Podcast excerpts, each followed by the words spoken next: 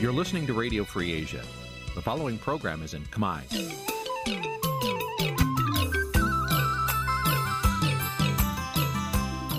Nǐ chi càm bi tiệp xáy vệt chiu a zì sê ray នេះជាកម្មវិធីផ្សាយរបស់ Vithu Azisaray ជាភាសាខ្មែរ វិទ្យុអាស៊ីសេរីសូមស្វាគមន៍លោកអ្នកនាងទាំងអស់ពីរដ្ឋធានី Washington នៃសហរដ្ឋអាមេរិក បាទពីទីក្រុងមែលប៊នប្រទេសអូស្ត្រាលីខ្ញុំបាទថាថៃសូមជម្រាបសួរលោកនាងកញ្ញាទាំងអស់ដែលកំពុងតាមដានការផ្សាយផ្ទាល់របស់វិទ្យុអាស៊ីសេរីបាទខ្ញុំបាទសូមជូនកម្មវិធីផ្សាយសម្រាប់យ៉ាប់យប់ថ្ងៃពុធមួយកើតខែចែកឆ្នាំខាលចត្វាស័កពុទ្ធសករាជ2566ត្រូវនឹងថ្ងៃទី22គ្រិស្តខែមិនិនាគ្រិស្តសករាជ2023ជាដំបូងនេះសូមអញ្ជើញលោកនាងស្ដាប់ព័ត៌មានប្រចាំថ្ងៃដែលមានមេត្តាដូចតទៅ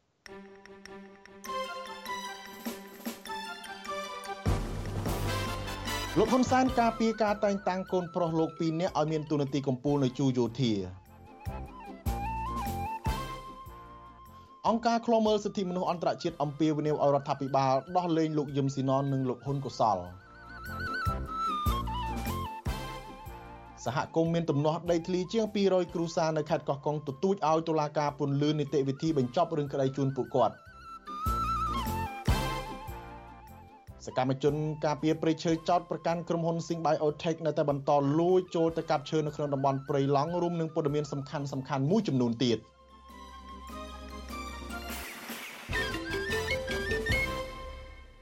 បាទលោកនាងជាទីមេត្រី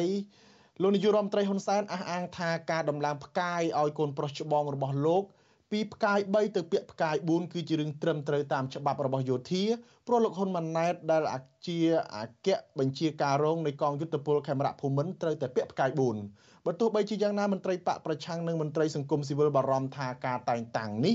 អាចធ្វើឲ្យកងទ័ពបាត់បង់អព្យាក្រឹតភាពរបស់ខ្លួន បាទលោកទីនសការីយ៉ារាយការណ៍ព័ត៌មាននេះលោកហ៊ុនសែនអះអាងថាផ្កាយ4ដែលលោកហ៊ុនម៉ាណែតទទួលបានកាលពីពេលថ្មីថ្មីនេះគឺជាផ្កាយដែលរូបលោកក្នុងនាមជានាយករដ្ឋមន្ត្រី និងលោកទាបាញ់ដែលជារដ្ឋមន្ត្រីការពារជាតិលួចដំឡើងឲ្យស្ងាត់ស្ងាត់ប៉ុណ្ណោះលោកហ៊ុនសែនអះអាងថាលោកហ៊ុនម៉ាណែតប្រកាសមិនព្រមពាក់ផ្កាយ4ជាង5ឆ្នាំមកហើយលោកហ៊ុនសែនដល់សពថ្ងៃកំពុងតែពាក់ផ្កាយ5លើស្មាផងនោះលើកឡើងទៀតថាកូនប្រុសច្បងរបស់លោកជាមនុស្សទី3ក្នុងជួរកងទ័ពតែពាក់ត្រឹមតែផ្កាយ3មិនសមតំណងទេព្រោះអគ្គមេបញ្ជាការរងនៃកងយុទ្ធពលខេមរៈភូមិន្ទផ្សេងផ្សេងគេពាក់ផ្កាយ4លើស្មាអស់ទៅហើយ អលោកខ្វះការចេះដឹងនៅកន្លែងណាទេណានៅក្រមរបស់កងទ័ពអគ្គបញ្ជាការរងទាំងអស់ត្រូវឡើងផ្កាយ4ទាំងអស់ហ៊ុនម៉ាណែតត្រូវឡើងផ្កាយ4តាំងពីឆ្នាំ2018ចឹងខ្ញុំសូមប្រាប់ដែរឲ្យបានច្បាស់ផ្កាយនេះផ្កាយ4នេះជាផ្កាយដែលត្រូវតែមាន ក្របខ័ណ្ឌរបស់វាត្រូវបានផ្កាយ4តែវាមិនព្រមទទួល ចឹងទេចុងក្រោយវាសារជាមួយនឹងបាញ់តាតើយើងធ្វើទៅចាំសួរអាមួយនឹងសួរច្បល់វាអីហើយអាមួយនឹងវាអត់ដឹងថាវាឡើងសាក់ទេពេលនឹងវានៅតាមខេត្ត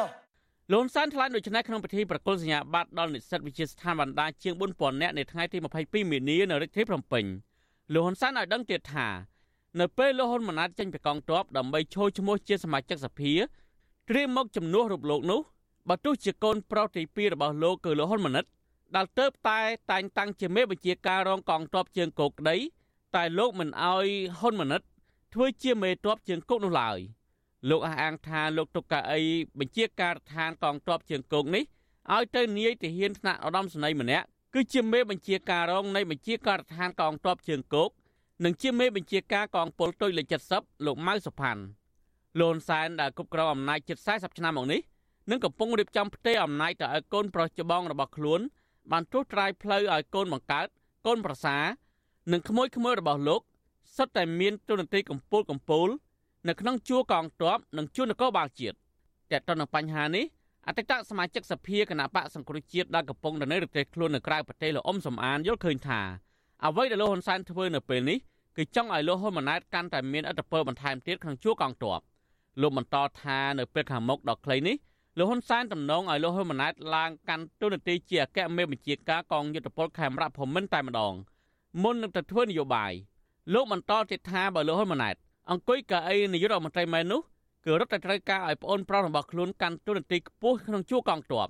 ដែលលោកហ៊ុនម៉ាណិតតំណងនឹងលោតទៅកាន់តួនាទីអគ្គមេបញ្ជាការនៃកងយុទ្ធពលខេមរៈភូមិន្ទដើម្បីជួយការពារបងប្រុសរបស់ខ្លួន គាត់ត្រូវឲ្យធ្វើម៉េចគោលរបស់គាត់ទាំងលោកហ៊ុនម៉ាណែតលោកហ៊ុនម៉ាណែតហ្នឹងកាន់យោធាឲ្យជាប់ហើយនៅខាងប៉ូលីសលោកនេតសវឿនហើយនឹងកូនប្រសារបស់គាត់លោកឌីវិជាកាន់ហើយខាងទាហានគឺលោកហ៊ុនម៉ាណែតលោកហ៊ុនម៉ាណែតកាន់ហើយដូច្នេះអត់មានណាងើបបានទេសម្រាប់មានអនុប្រតិការគេយកអញ្ចឹងហើយមន្ត្រីជាន់ខ្ពស់គណៈបកប្រឆាំងលោកអ៊ំសំអានរិះគន់ថាផែនការផ្ទេរអំណាចតពូជរបស់លោកហ៊ុនសែននៅពេលនេះជាការបំផ្លាញប្រជាធិបតេយ្យសិទ្ធិមនុស្សនិងបង្កឲ្យប្រទេសជាតិរងទណ្ឌកម្មហើយធ្វើឲ្យបរដ្ឋកាន់តែជួបទុក្ខលំបាកថែមទៀត ចំណែកប្រធានចលនាយុវជនគណៈបកសង្គ្រោះជាតិនៅប្រទេសជប៉ុនលោកហៃវណ្ណាយល់ថាអ្វីដែលលោកហ៊ុនសែនប្រឹងប្រែងធ្វើនៅពេលនេះដើម្បីធានាថា នៅពេលលោកហ៊ុនម៉ាណែតធ្វើជានាយករដ្ឋមន្ត្រីជំនួសលោកនាពេលខាងមុខនោះគឺលោកហ៊ុនសែននឹងមានសុវត្ថិភាពដោយគ្មានការចោទប្រកាន់តាមផ្លូវតុលាការទោះជាយ៉ាងណាមេដឹកនាំយុវជនរូបនេះរិះគន់ថាការប្រឹងប្រែងរបស់លោកហ៊ុនសែនបែបនេះបានទាញឲ្យកម្ពុជាក្លាយជាប្រទេសផ្ដាច់ការ ចឹងវាជារឿងមួយដែលមិនគួរកើតមានទេនៅក្នុងសង្គមលទ្ធិប្រជាធិបតេយ្យអញ្ចឹងមនុស្សម្នាក់ម្នាក់យើងមិនចង់រស់នៅក្នុងសង្គមមួយដែលគ្មានការគោរពច្បាប់ទេដោយសារលោកហ៊ុនសែនគាត់គ្រប់គ្រងរាល់ថ្ងៃគឺគាត់ធ្វើអីសេតែពើចិត្តឲ្យគេចេះតែទ្រាំរស់ជាមួយពួកគាត់ទេព្រោះតាមការពិតគ្មាននរណាគេចង់រស់នៅបែបហ្នឹងទេគេចង់រស់នៅប្រទេសដែលមានច្បាប់ទម្លាប់ត្រឹមត្រូវការសម្រុកលើកបន្ទប់កូនកោរបស់លោកហ៊ុនសែនឲ្យក្លាយជាអ្នកគ្រប់គ្រងកងទ័ពនៅពេលនេះគណៈកម្ពុជានឹងរៀបចំការបោះឆ្នោតជាតិនៅថ្ងៃទី23កក្កដាខាងមុខ សប្តាហ៍ថ្ងៃបើទោះបីជាគណៈបកសង្គ្រោះជាតិមិនទាន់សង្ឃឹមអាចចូលរួមការបោះឆ្នោតបានវិញក្តីប៉ុន្តែគណៈបកកណ្ដាលអំណាចរបស់លោកហ៊ុនសែនកំពុងនឹងប្រជុំគណៈបកដៃគូប្រកបប្រជែងដ៏គួរឲ្យព្រួយបារម្ភមួយទៀតនោះគឺគណៈបកភ្លើងទៀនដែលគណៈបកនេះមានសមាជិកក្រុមប្រឹក្សាឃុំសង្កាត់នៅទូទាំងប្រទេសជាង2000អាសនៈនិងមានរចនាសម្ព័ន្ធនៅទូទាំងប្រទេសប្រធានអង្គការសម្ព័ន្ធភាពការពារសិទ្ធិមនុស្សហៅកាត់ថាច្រាក់លោករស់សុថាយល់ថា ការតែងតាំងកូនកូនរបស់លោកហ៊ុនសែនក្នុងជួរកងទ័ពមុនការបោះឆ្នោតជាតិមកដល់នេះអាចនឹងធ្វើឲ្យបរិបទម្ចាស់ឆ្នោតនិងគណៈបកប្រកបប្រជែងជាមួយគណៈបកកណ្ដាលអំណាចមានការភ័យខ្លាចលោកបន្តថាអ្វីដែលធ្វើឲ្យពួកគេព្រួយបារម្ភនោះព្រោះខ្លាចកងទ័ពមិនអាចអនុវត្តទូនទីអព្យាក្រឹត ការព្រួយបារម្ភគឺព្រួយបារម្ភអញ្ចឹងឧបមាទេណាខ្លាចកងទ័ពលោកមិនអាចធានាបាននៅអព្យាក្រឹតភាពនៅពេលដែលគណៈបករបស់ខ្លួនសម្ព័ន្ធរបស់ខ្លួនមិនឈ្នះឆ្នោតណាមិនអាចថានឹងប្រើកម្លាំងការពារអាហ្នឹងវាជាធម្មតាការខ្លាចហ្នឹងខ្លាចអញ្ចឹងជុំវិញនឹងរឿងនេះដែរសភានៃសហភាពអឺរ៉ុបកាលពីពេលថ្មីថ្មីនេះព្រមានថាប្រសិនបើការបោះឆ្នោតជាតិជ្រើសតាំងតំណាងរាស្ត្រខែកក្កដាខាងមុខនេះធ្វើឡើងមិនស្របតាមស្តង់ដារអន្តរជាតិ ឬប្រសិនបើនៅតែមានការរំលោភសិទ្ធិមនុស្សបន្តទៀតសហភាពអឺរ៉ុបនឹងដកហូតប្រព័ន្ធអនុគ្រោះពន្ធ EBA បន្ថែមទៀតពីកម្ពុជាខ្ញុំទីនសាការីយ៉ាអស៊ីសេរីប្រធានីវ៉ាស៊ីនតោនបាទលោកនាងជាទីមេត្រីនៅព្រឹកមិញនេះក្នុងពិធីចែកសញ្ញាបត្រដល់និស្សិតគឺលោកនាយរដ្ឋមន្ត្រីហ៊ុនសែនបានថ្លែងប៉ាតណាប៉ាតណីហើយក្នុងនោះលោកក៏បានថ្លែងសារតាក់ទងទៅនឹងរឿងរ៉ាវដែលមានការចាប់ខ្លួនអតីតសកម្មជនគណៈបកប្រឆាំងពីររូប តកតងទៅនឹងការប្រមាថដល់អង្គព្រះមហាក្សត្រនិងរដ្ឋាភិបាលរបស់លោកបាទលោកនាយករដ្ឋមន្ត្រីហ៊ុនសែនថ្លែងថាលោកនឹងមិនលើកលែងទោសដល់អតីតសកម្មជនបកប្រឆាំងគឺលោកយឹមស៊ីណូនិងលោកហ៊ុនកុសលដែលលោកចោទថាអ្នកទាំងពីរបានប្រមាថធ្ងន់ធ្ងរដល់អង្គព្រះមហាក្សត្រនិងរូបលោកផ្ទាល់នោះឡើយថ្លែងនៅក្នុងកម្មវិធីប្រគល់សញ្ញាបត្រដល់និស្សិតនៅរាជធានីភ្នំពេញនៅថ្ងៃទី22ខែមិនិនាលោកហ៊ុនសែនបានចេញមុខការពារខ្លួនដោយសម្ដីធ្ងន់ធ្ងរថា លោកមានការប្រុងប្រយ័ត្នខ្ពស់ពុំបានអង្គុយកៅអីស្មើនឹងអង្គព្រះមហាក្សត្រឬបាំងខ្លោះសម្រាប់លោកនោះទេ ចំណែកកំឡុងពេលធ្វើដំណើរវិញលោកស្ទើរតែលោកដែលស្មើនឹងអង្គព្រះអង្គនោះលោកថាលោកត្រូវមានប្រសាសន៍ជាមួយនឹងព្រះអង្គហើយលោកក៏ពុំចង់ដើរស្មើនឹងព្រះអង្គឡើយលោកបន្តថាមានតែអង្គព្រះមហាក្សត្រតែប៉ុណ្ណោះដែលដឹងអំពីរឿងនេះ អញ្ចឹងសូមឲ្យឆ្លើយប្រមាថនៅកន្លែងណាហើយមួយទៀតគេបាននិយាយថាថ្ងៃនេះនៅតាមទៀមតុកកាហ្វេហ្នឹងអ្នកណាជាស្រេចពិតប្រកបអ្នកណាជាស្រេចពិតប្រកបយើងអត់មានការអធិស្ឋានទេវើយនិយាយគ្នាច្បាស់ម្នាក់នេះធ្លាប់អធិស្ឋានច្រើនហើយធ្លាប់អធិស្ឋានម្ដងហើយឲ្យពីកូរ៉េ ប្រតិកម្មរបស់លោកហ៊ុនសែនបែបនេះធ្វើឡើងមួយថ្ងៃក្រោយពីអាជ្ញាធរបានចាប់ខ្លួនតាមបញ្ជារបស់លោកគឺចាប់ខ្លួនសកម្មជននយោបាយនិយមលោកកឹមសុខាដែលជាប្រធានគណៈបកសង្គ្រោះជាតិរួមមានលោកយឹមស៊ីណនលោកនិងលោកហ៊ុនកុសលកាលពីល្ងាចថ្ងៃទី22ខែមីនាម្សិលមិញក្រោយពីពួកលោកបានបង្ហោះសារនៅលើ Facebook តាក់ទងទៅនឹងរូបភាពព្រះមហាក្សត្រព្រះរាជទានព្រះអគិជ័យសម្រាប់ព្រឹត្តិការណ៍កីឡាស៊ីហ្គេមនិងអាស៊ានប៉ារ៉ាហ្គេមនៅខេត្តសៀមរាប លោកយឹមស៊ីណនបានសរសេរនៅលើទំព័រ Facebook របស់លោកថាបើតាមសម្លេងប្រជាពលរដ្ឋនៅតាមហាងកាហ្វេនៅថ្ងៃនេះយើងអាចសង្កេតឃើញច្បាស់ថានរណាជាស្ដេចដែនដីពិតប្រាកដជាស្ដេចផែនដីពិតប្រាកដជាមួយគ្នានេះលោកហ៊ុនសាលោកហ៊ុនកុសលក៏បានសរសេរដែរថាលោកនឹងប្រើសមត្ថភាពចូលរួមពូនផ្ដុំជាមួយនឹងលោកកឹមសុខាដើម្បីការពារប្រជាស្ដារព្រះមហាក្សត្រនិងបរិជ្ជបល្ល័ង្កក្រោយពីឃើញពួកគេធ្វើបាបប្រតិយនិងបន្ទាបប្រជាស្ដារព្រះមហាក្សត្រខ្មែរគ្រប់ច្រក លោកយឹមស៊ីណូនិងលោកហ៊ុនកុសលត្រូវបានសមត្ថកិច្ចបញ្ជូនទៅសាលាដំបងរាជធានីភ្នំពេញហើយនៅរសៀលថ្ងៃទី22ខែមិនិនានេះហើយរងការចោទប្រកាន់ពីបទញុះញង់និងប្រមាថព្រះមហាក្សត្រជុំវិញរឿងនេះសង្គមស៊ីវិលមើលឃើញថានៅក្នុងស្ថានភាពដែលកម្ពុជាជិតខិតមកដល់ការបោះឆ្នោតហើយគណៈកម្ពុជាកំពុងតែប្រឈមការដាក់ទណ្ឌកម្មបន្ថែមពីសហភាពអឺរ៉ុបដែរនោះរដ្ឋាភិបាលគួរតែបង្កបរិយាកាសល្អដើម្បីលើកកម្ពស់សិទ្ធិសេរីភាពបញ្ចេញមតិរបស់ប្រជាពលរដ្ឋដែលធានាទៅដោយច្បាប់ លោកយឹមស៊ីណុនគឺជាអតីតប្រធានចលនាយុវជនគណៈបកសង្គ្រោះជាតិប្រចាំប្រទេសកូរ៉េខាងត្បូងតុលាការក្រុងភ្នំពេញធ្លាប់បានចោទប្រកាន់លោកពីបទរួមគំនិតក្បត់និងញុះញង់ពាក់ព័ន្ធនឹងរឿងដំណើរវិលចូលស្រុករបស់លោកសំរងស៊ីកាលពីឆ្នាំ2019ប៉ុន្តែនៅដើមឆ្នាំ2022លោកបានវិលចូលមកប្រទេសកម្ពុជាវិញក្រោយពីបានសរសេរលិខិតទៅសូមអន្តរាគមន៍ពីលោកនាយករដ្ឋមន្ត្រីហ៊ុនសែនហើយលោកក៏បានទម្លាក់ចោលការចាត់ប្រកាន់នេះដែរបាទតកតងនឹងរឿងនេះដែរ គឺអង្គការឃ្លាំមើលសិទ្ធិមនុស្សអន្តរជាតិ Human Rights Watch បានអំពាវនាវដល់អាជ្ញាធរកម្ពុជាឲ្យដោះលែងលោកយឹមស៊ីណូនិងលោកហ៊ុនកុសលដោយឥតលក្ខខណ្ឌនិងទម្លាក់ចោលរាល់បទចោទប្រកាន់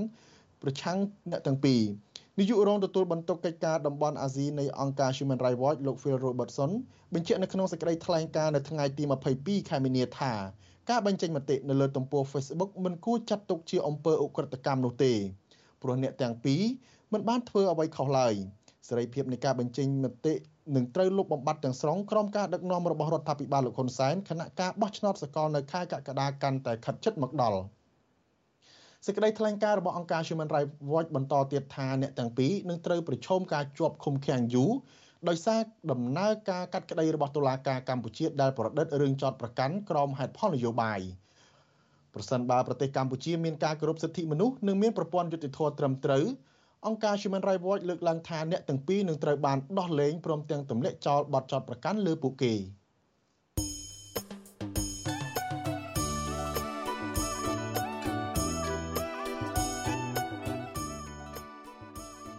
បាទដំណើរគ្នានឹងស្ដាប់ការផ្សាយវិទ្យុអាស៊ីសេរីតាមបណ្ដាញសង្គម Facebook និង YouTube លោកអ្នកនាងក៏អាចស្ដាប់ការផ្សាយរបស់វិទ្យុអាស៊ីសេរីតាមរយៈរលកធាតុអាកាសខ្លីឬ Shortwave តាមកម្រិតនិងកម្ពស់ដូចតទៅនេះ ពេលព្រឹកចាប់ពីម៉ោង5កន្លះដល់ម៉ោង6កន្លះតាមរយៈប៉ុស SW 9.39 MHz ស្មើនឹងកម្ពស់ 32m និងប៉ុស SW 11.85 MHz ស្មើនឹងកម្ពស់ 25m ពេលយប់ចាប់ពីម៉ោង7កន្លះដល់ម៉ោង8កន្លះតាមរយៈប៉ុស SW 9.39 MHz ស្មើនឹងកម្ពស់ 32m ប៉ុស SW 11.88 MHz ស្មើនឹងកម្ពស់ 25m និងប៉ុស SW 15.15 MHz ស្មើនឹងកម្ពស់ 20m សូមអរគុណបាទឥឡូវនេះយើងងាកទៅមើលតកតងនឹងរឿងព្រៃឈើវិញម្ដង សកម្មជននិងសហគមន៍អះអាងថាសកម្មភាពកាប់ឈើនៅក្នុងដែនជម្រកសត្វព្រៃឡង់នៅតែបន្តកើតមានឡើងជារៀងរាល់ថ្ងៃពីសំណាក់ក្រុមកម្មកររបស់ក្រុមហ៊ុន Sing Biotech ដោយមិនឃើញមានមន្ត្រីជំនាញនិងអាជ្ញាធរមានសមត្ថកិច្ចចោះបង្ក្រាបទប់ស្កាត់ឡើយបាទលោកយ៉ងលោកសនច័ន្ទរដ្ឋារាយការណ៍ព័ត៌មាននេះ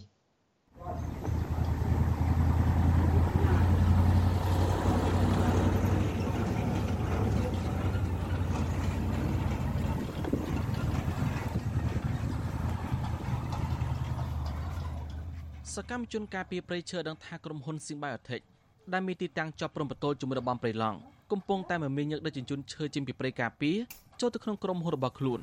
ដោយការបញ្ជាប្រដតំបន់នោះចូលទៅកាប់ឈើក្នុងព្រៃអភិរក្សមកលក់ឲ្យខ្លួនក្នុង1ម៉ែត្រគូប40ម៉ឺនរៀលសកម្មជនការពារព្រៃឈើលោកសឿនពិសិដ្ឋបានប្រាវិជូអេស៊ីសរ៉េដឹងថាក្រុមហ៊ុននេះបានប្រមូលឈើទាំងអស់ទៅផ្គប់ផ្គងក្រុមហ៊ុនអង្គរ Plywood ដែលជាក្រុមហ៊ុនធំជាងគេនៅកម្ពុជាក្នុងការនាំឈើចេញទៅលក់នៅក្រៅប្រទេស។យើងនៅតែរកឃើញក្រុមហ៊ុនស៊ីបែតិចនៅតែកាប់ ជញ្ជូនដឹកឈើយ៉ាងសស័កខាងក៏កឹកក្រែងដោយបានបញ្ជូនកម្មករកាប់ឈើពីតំបន់ព្រៃឡង់ដើម្បីផ្គត់ផ្គង់ទៅរោងចក្រអង្គរ Plywood ចុងក្រោយខ្ញុំសូមទទូចដល់រដ្ឋាភិបាលនិងក្រសួងពាក់ព័ន្ធទាំងអស់ចូលចូលរួមពិសេសក្រសួងបរិស្ថានក្រសួងរុក្ខាប្រមាណនេសាទត្រូវតែមានឆន្ទៈក្នុងការទប់ស្កាត់ពីការនាំឈើខុសច្បាប់ទៅប្រទេសក្រៅ ហើយឲ្យពលរដ្ឋខ្មែរទាំងអស់ចូលរួមការពារប្រៃឈើទាំងអស់គ្នា ដើម្បីកូនខ្មែរអ្នកចំនួនក្រោយបានស្គាល់បានឃើញទាំងអស់គ្នា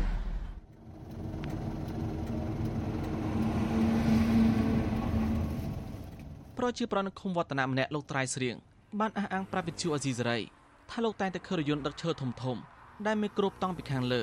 ដឹកកាត់មុខផ្ទះរបស់លោកចាប់ពី10គ្រឿងឡើងទៅ ដោយមិនឃើញមានអាជ្ញាធរណាចូលទប់ស្កាត់នោះទេវិទ្យុអេស៊ីសេរីមិនតន់អាចតទៅណនាំពីក្រសួងបរិស្ថានលោកណេតភេត្រានិងតំណាងក្រុមហ៊ុន Sing Biotech ដើម្បីសុំការបញ្ជាក់បានឡើយទេដោយទូរស័ព្ទហៅចូលតែគ្មានអ្នកទទួលពាក់ព័ន្ធរឿងនេះមន្ត្រីសមាគមបណ្ដាញយុវជនកម្ពុជាលោកអូឡាទីនប្រាប់ថាក្រុមហ៊ុនកំពុងតែបញ្ជូនក្រុមកម្មករសម្រុកចូលទៅកាប់ឈើក្នុងតំបន់ការពារព្រៃឡង់ក្នុងទឹកដីខេត្តក្រចេះនិងខេត្តស្ទឹងត្រែងដោយក្រុមកម្មករទាំងអស់នេះ កាប់ប្រមូលប្រភេទឈើឆ្លិចសុក្រំដែលមានមុខកាត់ចាប់ពី3តឹកឡើងទៅហើយក្រុមកម្មករត្រូវបានក្រុមហ៊ុនជាអ្នកការការពារសុវត្ថិភាពឲ្យនៅពេលចូលទៅកាប់ឈើនិងដឹកជញ្ជូនឈើចេញពីតំបន់អភិរក្សអឺសម្រាប់ខ្ញុំខ្ញុំនៅតែមានការព្រួយបារម្ភអំពីបញ្ហានៅក្នុងតំបន់ព្រៃឡង់ដោយបច្ចុប្បន្ននេះគឺកំពុងតែមានការកាប់ឈើហើយនឹងដឹកជញ្ជូនឈើយ៉ាងកក្រឹកកក្រែងនៅក្នុងភូមិសាស្ត្រព្រៃឡង់ហើយបញ្ហាទាំងអស់នេះ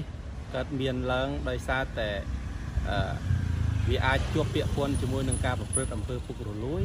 រវាងក្រមអ្នករស់ស៊ីឈើជាមួយនឹងមន្ត្រីដែលគាត់ធ្វើកិច្ចការងារនៅក្នុងតំបន់ដែលនៅប្រចាំការនៅក្នុងតំបន់ព្រៃឡង់នោះបើសិនជាมันមានការជួបពាក្យពន្ធនៅក្នុងការធ្វើអំពើពុករលួយទេឈើទាំងអស់នោះมันអាចដកចេញពីតំបន់ព្រៃឡង់បានទេពីព្រោះហេតុអីដោយសារតែយើងឃើញថាតំបន់នឹងគឺជាតំបន់ការពារធម្មជាតិជាតំបន់ដែលមានការចុះអនុក្រឹត្យ ពីរាជរដ្ឋាភិបាលនិយាយជារួមគឺជាតំបន់ដែលមានច្បាប់ការពាររួចរាល់អស់ទៅហើយតែហេតុអីក៏បណ្ដេតបណ្ដោយឲ្យមានការព្រឹត្តបទល្មើសនៅក្នុងតំបន់នោះយ៉ាងណាទៅតែដូចនេះអញ្ចឹងគឺមានអីក្រៅតែមានការជួបពាក្យពន្ធជាមួយនឹងការព្រឹត្តអំពើពុករលួយទេ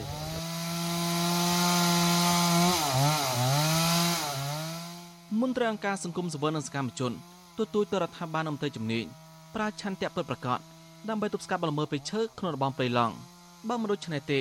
ដែនចម្រុះសត្វព្រៃដ៏ធំជាងគេនៅកម្ពុជានឹងវិនិច្ឆ័យហិនហោចជាក់ជាមិនខានកាលពីដើមឆ្នាំ2022អង្គការលើកលែងទោសអន្តរជាតិ Amnesty International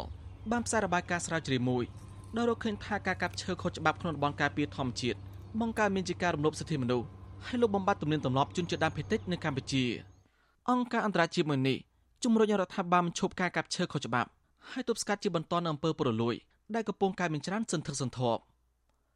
ខ្ញុំសនចាររថាវិទ្យុអស៊ីសេរីរាយការណ៍ពីរដ្ឋធានីវ៉ាស៊ីនតោន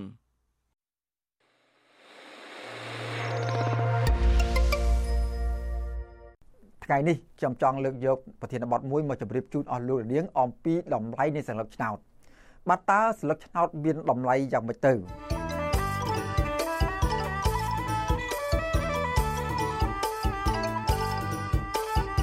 បាទសូមជម្រាបសួរអស់លោកនាងកញ្ញាទាំងអស់ជាទីមេត្រីខ្ញុំបាទសេកបណ្ឌិតបានវិលបញ្ជុំអស់លោកនាងសាជាថ្មីម្ដងទៀតហើយនៅក្នុងនេតិស្វែងយល់អំពីការបោះឆ្នោតបាទនៅថ្ងៃនេះដែរខ្ញុំបាទសូមលើកយកប្រធានបទមួយដែលនិយាយអំពីតម្លៃនៃស្លឹកឆ្នោតបាទតើស្លឹកឆ្នោតរបស់អស់លោកនាងមានតម្លៃយ៉ាងដូចម្តេចខ្លះទៅ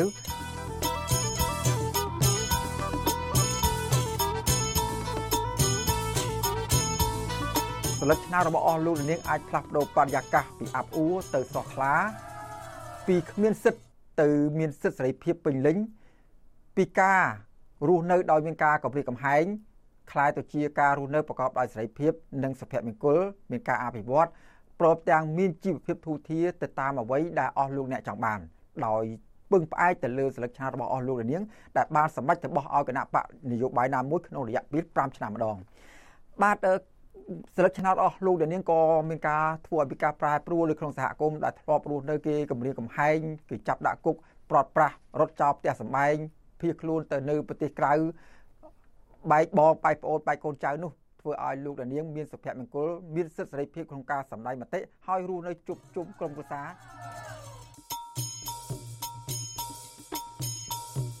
សន្លឹកឆ្នោតរបស់អស់លោកនាង នឹងអាចជួយកែប្រែមុខមាត់ភូមិឃុំរបស់អស់លោកនាងឬក៏ស្ថានភាពដែលកំពុងជួបលំបាកនៅក្នុងសហគមន៍នោះคล้ายទៅជាសហគមន៍មួយដែលមានការអភិវឌ្ឍនិងមានសុភមង្គល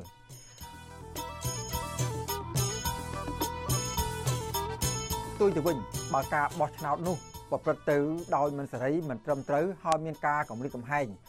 ស្ថានភាពនយោបាយមានការអ៊ូអាប់នៅក្នុងសង្គមនោះ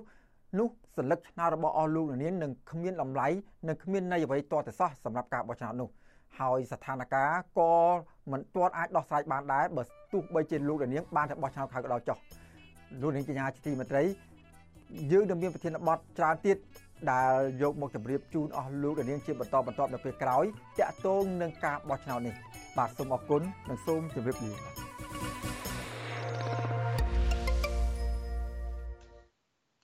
បាទសូមអរគុណលោកសីបណ្ឌិតដែលបានធ្វើវីដេអូអប់រំប្រជាពលរដ្ឋអំពីតម្លៃនៃសัญลักษณ์ឆ្នោត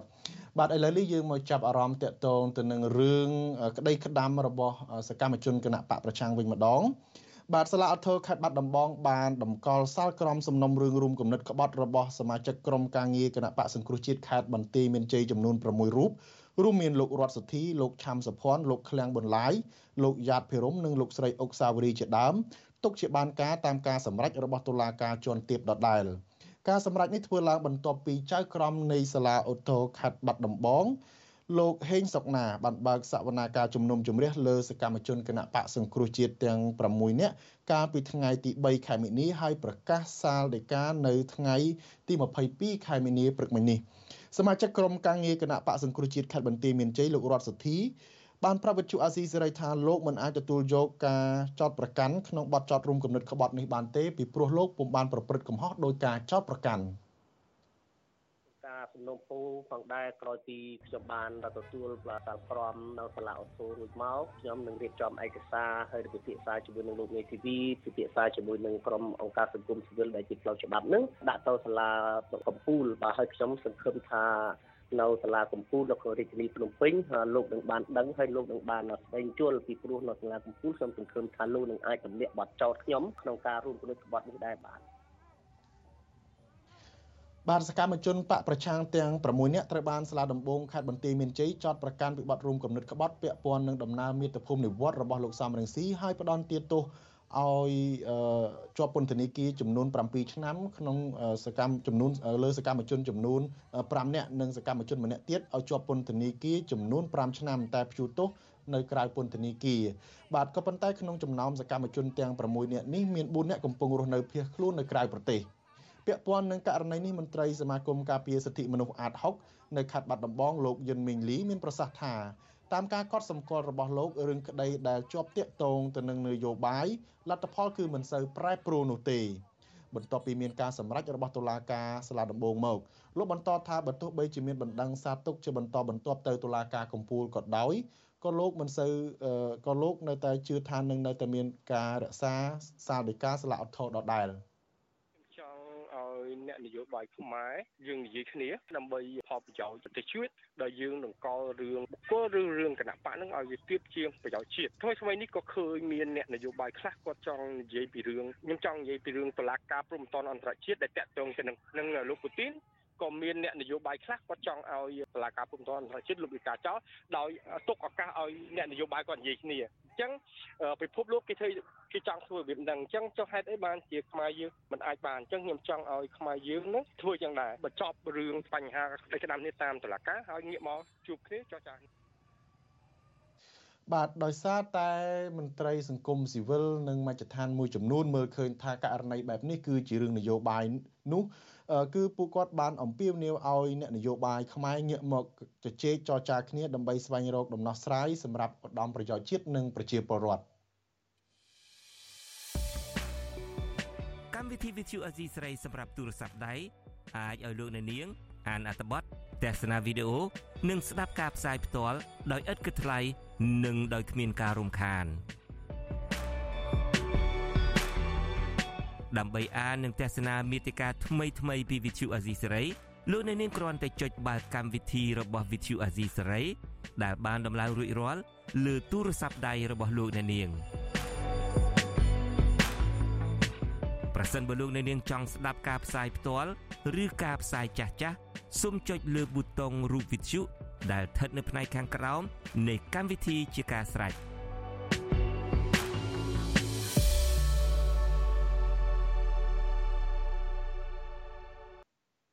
បាទលោកនាងជាទីមេត្រីឥឡូវនេះយើងទៅមើលជីវភាពជ្រុងមួយនៃប្រជាពលរដ្ឋរស់នៅខេត្តបាត់ដំបងវិញម្ដងបាទប្រជាពលរដ្ឋមួយចំនួននៅស្រុកឯកភ្នំបោះបង់មុខរបរធ្វើស្រែហើយងាកមកដាំឈូកលក់ដោយសារដំណាំនេះផ្ដល់ទិន្នផលនិងចំណូលខ្ពស់អាចឲ្យពួកគាត់ចិញ្ចឹមជីវិតបានសមស្របស្ទើររាល់ថ្ងៃពួកគេបានដាំដំណាំស្រូវមិនសូវបានផលចំណេញដោយសារតែប្រើប្រាស់ដើមទុនច្រើននិងតម្លៃឡើងចុះមិនទៀងទាត់បាទលោកនៅវណ្ណរិនមានសេចក្តីរាយការណ៍នេះជាវីដេអូបាទ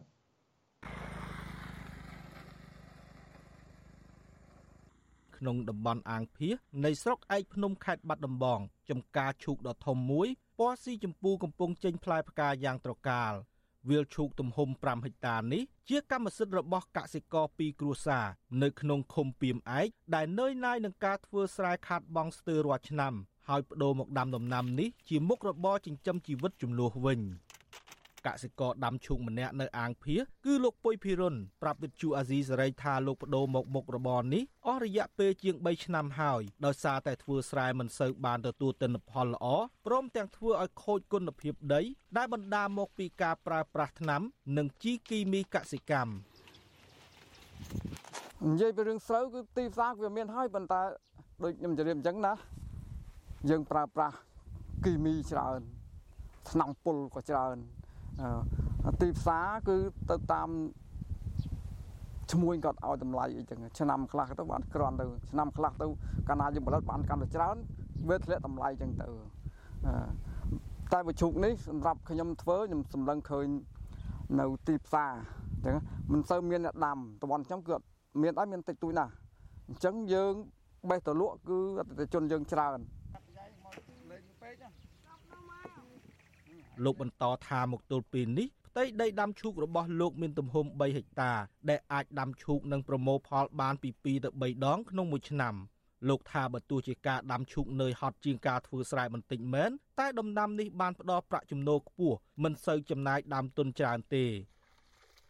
អឺសម្រាប់ខ្ញុំខ្ញុំគិតថាខ្ញុំដាំឈូកប្រសើរជាង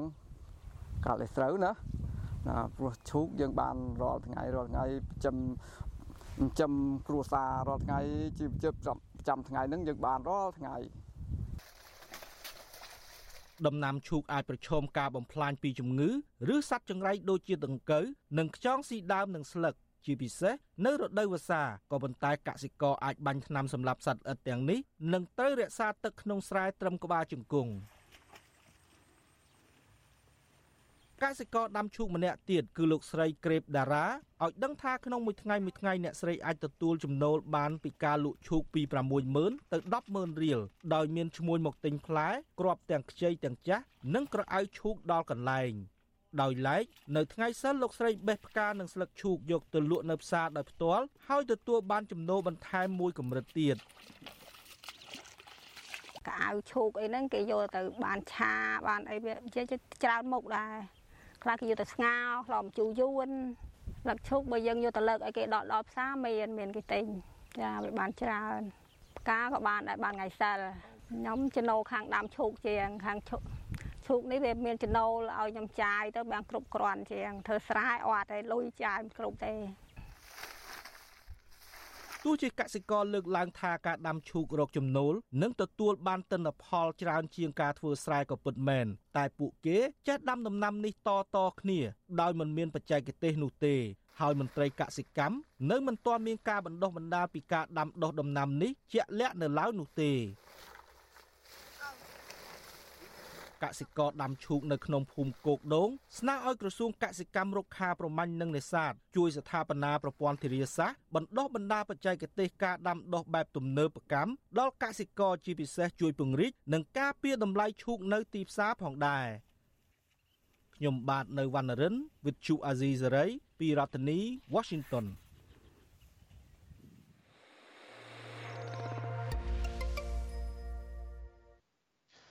បាទលោកនាងជាទីមេត្រីតកតងទៅនឹងករណីលោកយឹមស៊ីណុននិងលោកហ៊ុនកសលដែលត្រូវបានតុលាការកំពុងសាកសួរនៅសាលាដំបងរាជធានីភ្នំពេញនេះក្រុមការងារវិទ្យុអាស៊ីសេរីបានរាយការណ៍មកថាចៅក្រមស៊ើបសួរនៃសាលាដំបងរាជធានីភ្នំពេញបានសម្រេចឃុំខ្លួនលោកយឹមស៊ីណូននិងលោកហ៊ុនកុសល ជាបណ្ដោះអាសន្នហើយនៅក្នុងពន្ធនាគារក្រោមការចាត់ប្រកាន់ចំនួន2បទល្មើសនៅល្ងាចថ្ងៃទី22ខែមីនានេះបាទលោកប្លង់សុផលដែលនាំពាក្យនៃតំណាងអាយកាអមស្រាដំបងរាជធានីភ្នំពេញបានប្រាប់អ្នកសារព័ត៌មានក្នុងស្រុកថាលោកយឹមស៊ីណូននិងលោកហ៊ុនកុសលត្រូវបានតុលាការដាក់ឲ្យស្ថិតនៅក្រោមការត្រួតពិនិត្យពីបទប្រមាថចំពោះអង្គព្រះមហាក្សត្រនិងបទញុះញង់បង្កឲ្យមានភាពវឹកវរធ្ងន់ធ្ងរដល់សន្តិសុខសង្គម។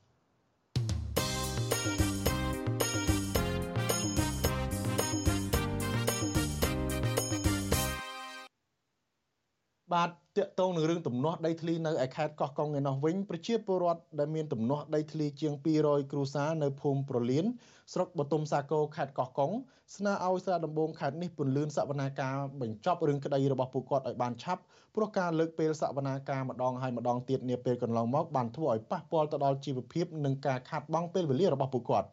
មន្ត្រីសង្គមស៊ីវិលយល់ឃើញថាតុលាការគួរតែទម្លាក់ចោលការចាប់ប្រកាន់ទៅលើប្រជាពលរដ្ឋដើម្បីឲ្យពួកគាត់អាចមានពេលវេលារកចំណូលផ្គត់ផ្គង់ជីវភាពគ្រួសារ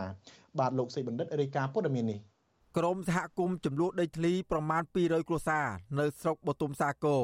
សោកស្ដាយដែលតុលាការខេត្តកោះកុងបន្តលើកពេលជំនុំជម្រះក្តីដោយមិនបានជូនដំណឹងឲ្យទាន់ពេលវេលាដល់ជនជាប់ចោតទាំង5នាក់រួមមានលោកស្រីភៀបតេងលោកទូចងាន់ និងអ្នកមួយចំនួនទៀតដែលកំពុងជាប់បណ្ដឹងនៅតុលាការពលរដ្ឋទាំងនោះចាត់ទុកការលើកពេលជំនុំជម្រះរឿងក្តីនេះថាមានចេតនាកិច្ចវេះមិនចង់ដោះស្រាយបញ្ហាជូនដល់ពលរដ្ឋដោយតុលាការហាងថាចៅក្រមឈឺមិនអាចជំនុំជម្រះក្តីបានតំណាងសហគមន៍243គ្រួសារនិងជាជនជាប់ចោតលោកស្រីភៀបតេងប្រាប់វិទ្យុអាស៊ីសេរីនៅថ្ងៃទី22មិនិនាថារាល់ពេលទៅសាលាដំបូងម្ដងម្ដងលោកស្រី ត្រូវលក់មន់លក់ទាដើម្បីយកប្រាក់ជីឡានឈ្នួលពីព្រោះផ្ទះលោកស្រី នៅឆ្ងាយពីទីរួមខេត្តប៉ុន្តែពេលទៅដល់តុលាការក្រឡាបញ្ជីប្រាប់ថាលើកពេលទៅខែក្រោយវិញ ដោយមិនបានបញ្ជាក់ពីពេលវេលាឲ្យបានច្បាស់លាស់ដោយគ្រាន់តែប្រាប់ថាចៅក្រមឈឺមិនអាចជំនុំជម្រះក្តីបាន ដែលធ្វើឲ្យលោកស្រីខាតបង់ពេលវេលា និងប្រាក់កាសក្នុងការធ្វើដំណើរលោកស្រីបញ្ជាក់ថា តុលាការចេះតែលើកពេលបែបនេះធ្វើឲ្យរំខានដល់ការប្រកបរបរចិញ្ចឹមគ្រួសារម្យ៉ាងទៀតលោកស្រីត្រូវបង់ធនាគារជារៀងរាល់ខែ ក្នុងប្រព័ន្ធតឡាការទៀតកុំឲ្យគាត់លើកពេលពលាថ្ងៃនេះថ្ងៃនោះពួកឲ្យវិជាពលរដ្ឋគ្មានមតិភាពឯណាទៅតាមតឡាការតនេះពីយើងឡើងទៅខេត្តយើងដឹងហើយម្នាក់ម្នាក់អស់4 10 20ម៉ឺនសម្រាប់ឡើងទៅពួកយើងអត់មានលុយទៅទេពួកយើងទៅមិនទៅលក់មន់លក់ទីអស់ហើយខ្លះចង់ការអីគេបើសំទៅមិនបានទៅឡើងតឡាការហ្នឹងនៅសុំឈប់អួយយកប្រព័ន្ធតឡាការមកគៀបសង្កត់អ្នកដែលរងគ្រោះដីធ្លីទៀតទៅលោកស្រីភៀបតេងលោកទូចងាន់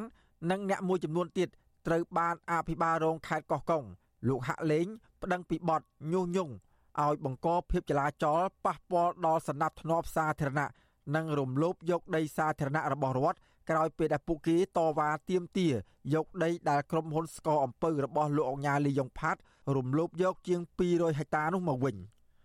ស្រដៀងគ្នានេះដែរតំណាងសហគមន៍ម្នាក់ទៀតគឺលោកស្រីដេតហួរ ដែលតែងតែទៅឃ្លាំមើលសវនាការរបស់លោកស្រីភៀបតេង សង្កេតឃើញថា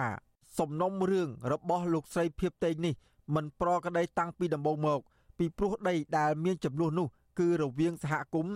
និងក្រុមហ៊ុនកោះកុង Sugar របស់លោកអង្ញាលីយ៉ុងផាត់ប៉ុន្តែបែរជាមន្ត្រីរដ្ឋាភិបាលប្តឹងគាត់ទៅវិញលោកស្រីស្នើដល់តុលាការឲ្យទម្លាក់ចោលបទចោលប្រកាន់លើតំណាងសហគមន៍មានទំនាស់ដីធ្លីទាំងនោះ ពីព្រោះពួកគេពុំបានប្រព្រឹត្តខុសច្បាប់នោះឡើយ។ ចេតនានេះពជាពេលមិនមិនព្រមវាអត់ប្រកក្តីសង្ឃចឹងណាចៅក្រមគាត់ពជាពេលហេតុផលគាត់ឈឺគាត់គួរតែប្រាប់សហគមន៍ឬមួយសម័យខ្លួនកូនក្តីរ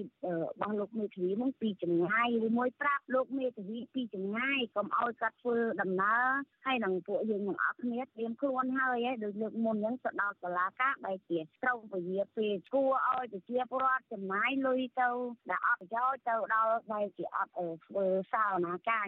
កន្លងមកតំណាងប្រជាពលរដ្ឋនាំគ្នាដាក់ញត្តិស្នើសុំដំណោះស្រាយរឿងវិវាទដីធ្លីនេះទៅសាលាស្រុកបទុមសាគរជាច្រើនលើកច្រើនសារមកហើយដើម្បីឲ្យតុលាការជួយរកយុត្តិធម៌ដល់ពួកគាត់ប៉ុន្តែបែរជាត្រូវមន្ត្រីអាជ្ញាធរខេត្តប្តឹងមកប្រជាពលរដ្ឋវិញ ក្នុងនោះមានប្រជាពលរដ្ឋចំនួន5នាក់ដែលត្រូវជាប់បណ្ដឹងក្នុងតុលាការក្រោមបទចោទបង្កចលាចលនិងធ្វើឲ្យខូចសណ្ដាប់ធ្នាប់សាធារណៈ ការចោទប្រកាន់នេះធ្វើឲ្យប្រជាពលរដ្ឋយល់ថាពួកគេរងនៅភាពឈឺចាប់និងរឿងអយុត្តិធម៌ពីមន្ត្រីរដ្ឋាភិបាលជុំវិញរឿងនេះវិទ្យុអាស៊ីសេរីនៅពុំទាន់អាចសុំការបកស្រាយបំភ្លឺពីប្រធានមន្ត្រីរៀបចំដែនដីនគររូបនីយកម្មនិងសំណង់លោករស់វីរាវុធបានទេដោយសារលោកប្រាប់ថាជាប់រវល់ប្រជុំចំណែកអភិបាលរងខេត្តកោះកុងលោកហាក់លេងក៏វិទ្យុអាស៊ីសេរីមិនទាន់អាចតាក់ទងបានដែរ ជុំវិញរឿងនេះមន្ត្រីសម្របសម្រួលអង្គការលីកាដូប្រចាំខេត្តកោះកុងលោកហ៊ូអ៊ីនមានប្រសាសន៍ថាចៅក្រមឬតុលាការគួរតែជូនដំណឹងដល់ប្រជាពលរដ្ឋមុនពេលសម្រេចលើកពេលសវនាការជំនុំជម្រះទៅពេលក្រោយជាជាងឲ្យពួកគាត់ចំណាយថវិកាជិះឡានទៅតុលាការខាត់ពេលវេលាលោកបន្តថាតុលាការគួរតែពិចារណាទម្លាក់បទចោទប្រកាន់លើតំណាងប្រជាសហគមន៍ទាំងនោះពីព្រោះពួកគេមិនបានប្រព្រឹត្តខុសច្បាប់នោះឡើយ ពួកគេគ្រាន់តែអនុវត្តសិទ្ធិដើម្បីទាមទារដីធ្លីដែលក្រុមហ៊ុនស្កអំពើរំលោភយក មកកាន់កាប់វិញប៉ុណ្ណោះអញ្ចឹងវិជាប្រដ្ឋគាត់ប្រកាសថាត្រូវការដីសម្រាប់ធ្វើស្រែឬក៏ធ្វើចការអញ្ចឹងចំពោះករណីហ្នឹងគាត់ថាតឡាការគួរតែលក្ខការចោតប្រកាន់ទៅដើម្បីឲ្យអាជ្ញាធរខេត្តក៏ដូចជាក្រសួងដែនដីហ្នឹងសម្របសម្រួលមួយវិជាប្រដ្ឋដើម្បីរកវិធីណាដោះស្រាយឲ្យបានចប់ចំពោះករណីហ្នឹងវាជារៀងការមានការចាប់វិជាប្រដ្ឋដាក់ពន្ធនាគារខ្ញុំឃើញថា វាមានរូបភាពមួយដែលថាធ្វើចាប់វិជាប្រដ្ឋកប់ព្រោះតែករណីដីធ្លីណាប្រជាសហគមន៍ឲ្យដឹងថាពួកគាត់បានកាន់កាប់និងអាស្រ័យផលលើដីចំនួននោះតាំងពីឆ្នាំ1979ហើយអ្នកខ្លះទៀតបានកាន់កាប់ដីនោះនៅឆ្នាំ2000ដោយបានធ្វើស្រែចម្ការ និងដាំដំណាំផ្សេងផ្សេងដើម្បីចិញ្ចឹមជីវិត ដោយមិនមានអាជ្ញាធរណា ទៅហាមឃាត់ឡើយប្រជាសហគមន៍អះអាងទៀតថាលុះដល់ខែកក្កដាឆ្នាំ2006 ក្រុមហ៊ុនកោះកុង Sugar និងក្រុមហ៊ុនកោះកុង Plantation របស់លោកអញ្ញាលីយ៉ុងផាត់ដែលជាសមាជិកព្រឹទ្ធសភានៃគណៈបកកណ្ដាលអំណាចបានប្រើគ្រឿងចាក់មកឈូសឆាយរំលោភយកដីរបស់ពួកគាត់សរុបជាង200ហិកតាហើយបង្ខំឲ្យពលរដ្ឋទទួលយកសំណងបន្តិចបន្តួចមកទួលនៅពេលនេះបើទោះបីជាក្រុមហ៊ុនស្កអំពៅរបស់លោកអញ្ញាលីយ៉ុងផាត់ផ្អាកធ្វើអាជីវកម្មយ៉ាងណាក្តីក៏អាជ្ញាធរមិនព្រមប្រគល់ដីទាំងនោះមកឲ្យប្រជាសហគមន៍កាន់កាប់វិញឡើយ កន្លងមកអាជ្ញាធរអះអាងថា ដីនោះជាសម្បត្តិសាធារណៈរបស់រដ្ឋទោះបីជាប្រជាពលរដ្ឋថាពួកគេបានស្នាក់នៅនិងអាស្រ័យផលជាច្រើនឆ្នាំមកហើយយ៉ាងណាក៏ដោយខ្ញុំបាទសេកបណ្ឌិតវិទ្យុអាស៊ីសេរីពីរដ្ឋធានីវ៉ា បាទលោករនាងជាទីមេត្រីយើងចាប់អារម្មណ៍ពីបញ្ហាវិស័យសុខាភិបាលនៅប្រទេសកម្ពុជាវិញម្ដងលោកហ៊ុនសែនជាថ្មីទៀតបានបង្ហាញមោទនភាពចំពោះការរីកចម្រើននៅក្នុងវិស័យសុខាភិបាលដែលលោកថាមានគុណភាពគ្រាន់បើជាងបណ្ដាប្រទេសជឿនលឿនមួយចំនួនបើទោះបីជាយ៉ាងណាប្រជាពលរដ្ឋមួយចំនួននៅតែមានការភ័យខ្លាចដោយមិនទុកចិត្តលើសមត្ថភាពនិងសិលធម៌របស់គ្រូពេទ្យខ្មែរបាទលោកមានរិទ្ធរាយការណ៍ព័ត៌មាននេះ ប្រជាពលរដ្ឋមួយចំនួនមិនទុកចិត្តសេវាសុខាភិបាលនៅកម្ពុជា លើបញ្ហាចំណេះដឹង សមត្ថភាព និងសិលធម៌គ្រូពេទ្យដែលនាំឲ្យអ្នកខ្លះរិះគន់តាមបណ្ដាញទំនាក់ទំនងសង្គមរីឯអ្នកខ្លះទៀតរក្សាភាពស្ងៀមស្ងាត់ក៏ប៉ុន្តែព្យាយាមស្វែងរកសេវាថែទាំសុខភាព នៅក្រៅប្រទេសពលរដ្ឋម្នាក់នៅខេត្តពោធិ៍សាត់លោកគ្រីគ្រឿនថ្លែងថាលោកធ្លាប់ជួបពេទ្យមិនមានសិលធម៌មិនមានវិជ្ជាជីវៈជាញឹកញាប់ លោកបន្តថាមូលហេតុនេះហើយដែលធ្វើឲ្យលោកនិងអ្នកដែលលោកស្គាល់មួយចំនួនទៀតមិនទុកចិត្តពេទ្យក្នុងស្រុករត់ទៅរកសេវាព្យាបាលនៅក្រៅប្រទេសពួកគេទៅព្យាបាលដូចជាឃើញទៅប្រទេសថៃទៅសង្ហបុរីតែដែលមានលុយច្រើនគេទៅដល់សង្ហបុរីទៅដល់ពេទ្យណាដែលមានជីជីវៈច្បាស់លាស់អញ្ចឹងបានន័យថាគេអត់សូវឲ្យតម្លៃសុខាភិបាលក្នុងស្រុកយើងទេហើយសម្រាប់ខ្ញុំជាប្រជាពលរដ្ឋ ខ្ញុំក៏ឆ្លប់ឆ្លប់ឆ្លងកាត់ដែរបាទខ្ញុំហ៊ានវាយតម្លៃអញ្ចឹងប្រជាពលរដ្ឋម្នាក់ទៀតនៅស្រុកកោះធំខេត្តកណ្ដាលលោកខេមសខនយល់ឃើញថាជាចំណុចល្អក្នុងវិស័យសុខាភិបាល ដែលមានការកើនឡើងការកសាងមន្ទីរពេទ្យឬមណ្ឌលសុខភាពទោះជាយ៉ាងណា លោកថាបញ្ហាសមត្ថភាព វិជ្ជាជីវៈនិងសិលធម៌របស់គ្រូពេទ្យនៅតែជាបញ្ហាធំ ដែលរដ្ឋាភិបាលត្រូវយកចិត្តទុកដាក់ពង្រឹងបន្ថែមទៀត លោកខេមសខនឲ្យដឹងទៀតថាប្រជាពលរដ្ឋនៅស្រុករបស់លោកភៀកច្រើននិយមទៅព្យាបាលជំងឺនៅក្នុងប្រទេសវៀតណាមលោកបន្តថាពេទ្យវៀតណាមហាក់មានសមត្ថភាពនិងសិលធម៌និងត្រូវចំណាយលុយតិចជាងពេទ្យនៅស្រុកខ្មែរទៀតពាក់ព័ន្ធនឹងប្រទេសវៀតណាមខ្ញុំមានបងម្នាក់គាត់នៅកំពង់ឆ្នាំងគាត់ជំងឺសួតនៅកាឡាម៉ែតគឺអស់លុយមួយកណោរាប់ពាន់ដុល្លារ ពេទ្យគេលែងទទួលមើលគេថាអស់សង្ឃឹមអញ្ចឹងគាត់ក៏សម្រេចចិត្តថាទៅផ្ទះក៏ប៉ុន្តែបានជជែកជាមួយបងប្រុសក្រុមគ្រួសារក៏បានបញ្ជូនទៅប្រទេសវៀតណាមគាត់ជារហូតមកដល់សប្តាហ៍ថ្ងៃហ្នឹងពលរដ្ឋម្នាក់ទៀតនៅរាជធានីភ្នំពេញកញ្ញាខឹមស្រីមុំឲ្យដឹងថាភ ieck ច្រើនកញ្ញាជ្រើសរើសយកពេទ្យឯកជននៅពេលព្យាបាលជំងឺជុំវិញការយល់ឃើញទូទៅចំពោះសេវាសុខាភិបាល កញ្ញាថាកញ្ញាទុកចិត្តបានតែ70%ចំពោះពេទ្យមួយចំនួនតូចដែលកញ្ញាស្គាល់ចំណែកឯពេទ្យទូទៅដែលកញ្ញាមិនធ្លាប់ស្គាល់កញ្ញាមិនទុកចិត្តនោះទេតាមរយៈយើងព្យាបាលយើងគ្រាន់តែទិញថ្នាំលេបឬបតោងសេរ៉ូមឬក៏អីទៅអាហ្នឹងពេលដែលខ្ញុំស្គាល់ស្រាប់ព្យាបាលបេក្ខជនគឺខ្ញុំឲ្យទៅ70%ដែរចឹងដល់ពេលដែលខ្ញុំស្គាល់ថាព្យាបាលតែពេលខ្ញុំអត់ស្គាល់ទេគឺខ្ញុំអត់មានទំនុកចិត្តតលទៅសោះតែហ្មង ចំណែកឯពលរដ្ឋនៅខេត្តបៃលិនឯណោះវិញលោកលៀបឆាង រំលឹកថាកាលពី5ឆ្នាំមុនកូនប្រុសរបស់លោកបានដួលម៉ូតូបាក់ជើង លោកបានទៅពេទ្យខេត្តអង្គុយបករុយនិងមើលមុខកូនដេកឈឺដោយក្តីអាណិតអាសូរព្រោះពេទ្យមិនយកចិត្តទុកដាក់នោះទេលោកបន្តថាបើទោះជាលោកមិនសូវមានលុយក៏នៅពេលឈឺថ្កាត់ម្ដងម្ដងលោកសុកចិត្តទិញថ្នាំពីឱសថស្ថាន ឬទៅពេទ្យឯកជន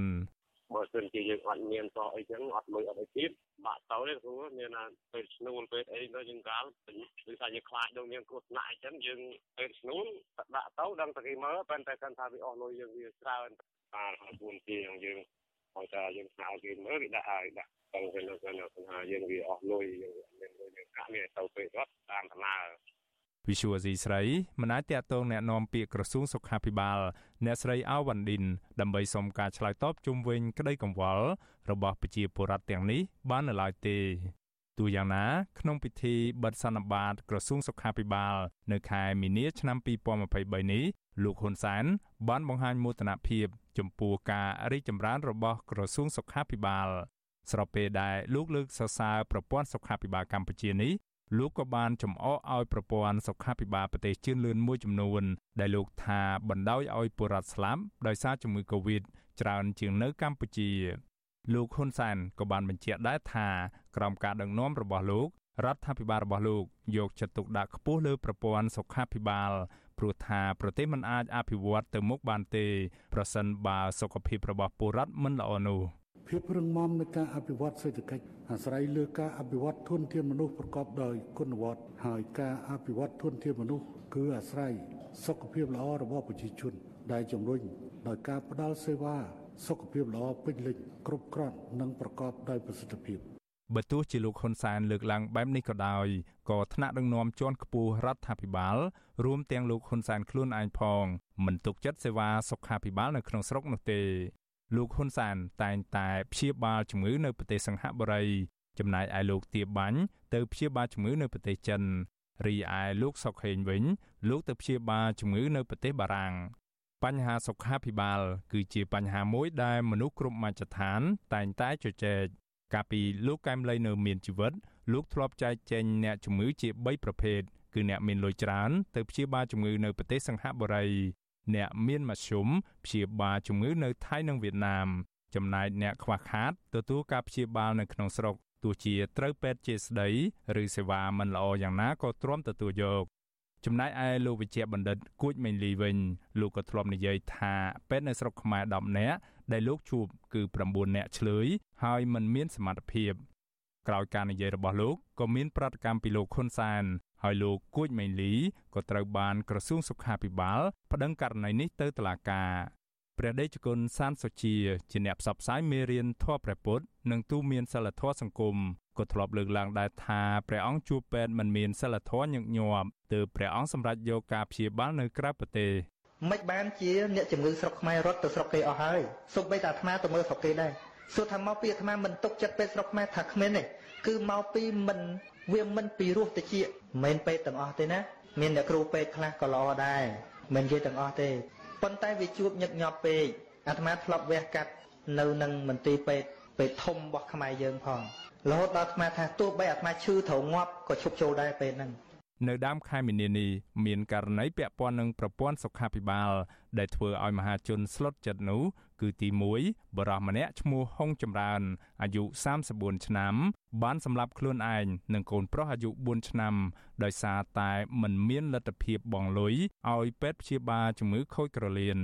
ចំណែកករណីទី2កម្មការនីឈ្មោះសឿនស្រីអូនអាយុ22ឆ្នាំបានស្លាប់ចោលកូនស្រីតូចមួយនិងប្តី បន្ទាប់ពីពេទ្យនៅក្នុងខេត្តកំពង់ស្ពឺ ច្រឡំកាត់ពោះវៀននៅពេលវះកាត់ខ្ញុំបាទមេរិត Visual C ស្រី ពីរដ្ឋធានី Washington បាទលោកនាងជាទីមេត្រីយើងមានព័ត៌មានមួយបន្ថែមទៀតដែរតកតងទៅនឹងរឿងរ៉ាវរបស់លោកកឹមសុខាបាទតុលាការបានអនុញ្ញាតឲ្យសហមេធាវីជួបលោកកឹមសុខានៅផ្ទះហើយនៅថ្ងៃទី28ខែមិនិនាឆ្នាំ2023ខាងមុខអ្នកនាំពាក្យនៃអัยការអមសាលាដំបងរាជធានីភ្នំពេញបានចេញសេចក្តីប្រកាសព័ត៌មានដែលវិទ្យុអាស៊ីសេរីទទួលបាននៅមុននេះបន្តិចថា ការអនុញ្ញាតឲ្យសហមេធាវីជួបលោកកឹមសុខានេះគឺធ្វើទៅតាមលិខិតសំណើរបស់លោកកឹមសុខា ដែលបានដាក់លិខិតជូនតុលាការនៅថ្ងៃទី22ខែមិនិនាដដែលលិខិតរបស់លោកកឹមសុខាសរសេរថាលោកត្រូវការជួបមេធាវីដើម្បីពិគ្រោះយោបល់បន្តនីតិវិធីតាមផ្លូវតុលាការជាពិសេសជួបពិគ្រោះយោបល់ក្នុងការប្តឹងឧទ្ធរជំទាស់សាលាជំទាស់សាលក្រមសាលាដំបងឲ្យបានទាន់ពេលវេលាកំណត់ វិទ្យុអាស៊ីសេរីនៅមិនទាន់អាចតាក់ទងសហមេធាវីរបស់លោកកឹមសុខាដើម្បីសាកសួរអំពីបញ្ហានេះបន្ថែមបាននៅឡើយទេនៅមុនការផ្សាយនេះសមត្ថកិច្ចយាមផ្ទះរបស់លោកកឹមសុខាបានហាមសហមេធាវីមិនឲ្យចូលជួបលោកកឹមសុខាដើម្បីជជែកអំពីនីតិវិធីប្តឹងឧទ្ធរណ៍នេះទេកាលពីសប្តាហ៍មុនដោយតម្រូវឲ្យសហមេធាវីដាក់លិខិតស្នើសុំតុលាការជាមុនសហមេធាវីអះអាងថាពួកគាត់មិនអាចដាក់លិខិតទៅតាមតុលាការដើម្បីស្នើជួបលោកកឹមសុខា ដែលជាកូនក្តីនោះបានទេពីព្រោះគ្មានច្បាប់ណាតម្រូវឲ្យធ្វើដូច្នេះឡើយអ្នកច្បាប់លើកឡើងថាការហាមមិនឲ្យមេធាវីជួបកូនក្តីបែបនេះគឺធ្វើឲ្យមានការរំលោភសិទ្ធិមេធាវីនិងសិទ្ធិអ្នកជាប់ឃុំឬសិទ្ធិអធិរបស់លោកកឹមសុខាតែម្ដង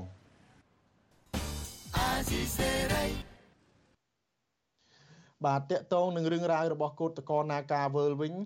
ក្រុមកោតក្រនាការវើលប្រមាណ50នាក់នៅតែបន្តធ្វើកោតកម្មនៅខាងមុខក្រុមហ៊ុនបនលបែងដ៏ធំមួយនេះនៅរសៀលថ្ងៃទី22ខែមិនិនាដើម្បីឲ្យម្ចាស់ក្រុមហ៊ុនចេញមកដោះស្រាយវិវាទការងារដែលបានអូសបន្លាយពេលជាង1ឆ្នាំមកនេះក្រុមកោតក្របានឈរនៅតាមខឿនផ្លូវនៅខាងមុខក្រុមហ៊ុន Naga World 2ដែលនៅមិនឆ្ងាយប៉ុន្មានពីភូមិគ្រឹះរបស់លោកនាយករដ្ឋមន្ត្រីហ៊ុនសែនហើយពួកគេបានកាន់បដាថា Naga World ត្រូវការច្បាប់ការងារ កុំយកលុយទិញសិទ្ធិនិងវិស្កោស្រែកទាមទារឲ្យក្រុមហ៊ុនគោរពសិទ្ធិការងារដល់កម្មករជាដើមគឧតកោនាការវលម្នាក់អ្នកនាងមុំសវត្ថិនប្រពន្ធអាស៊ីសេរីថាការចាត់ប្រកាន់តំណាងសហជីពថាញុះញង់គឺជារឿងមិនត្រឹមត្រូវនោះទេពីព្រោះការធ្វើកោតកម្មនៅខាងមុខក្រុមហ៊ុន Nagavel នេះគឺកើតឡើងពីថៅកែយកលេស COVID មកបញ្ឈប់កម្មករទាំងអយុធធននិងរឹសអើងលើសហជីពទើបក្រុមកោតកោបោះឆ្នោតធ្វើកោតកម្ម អ្នកស្រីស្នើដល់រដ្ឋាភិបាលជួយដោះស្រាយបញ្ហាក្រុមហ៊ុនរំលោភសិទ្ធិការងារលើកម្មករដើម្បីឲ្យកម្មដើម្បីកុំឲ្យកម្ពុជាបាត់បង់ប្រព័ន្ធអនុគ្រោះពន្ធពីសហភាពអឺរ៉ុបហើយប៉ះពាល់ទៅដល់សេដ្ឋកិច្ចកម្មករទាំងមូល។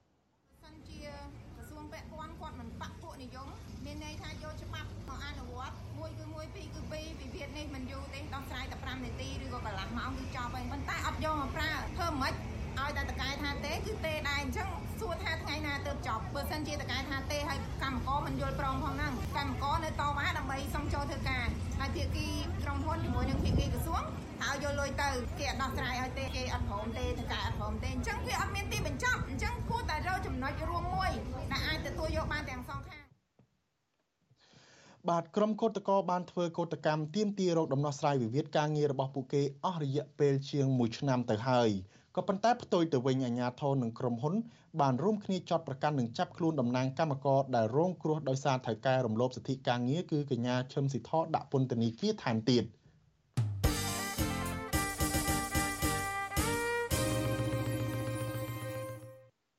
បាទតកតងទៅនឹងរឿងពលករនេះដែរប៉ុន្តែនៅឯប្រទេសកូរ៉េខាងត្បូងវិញ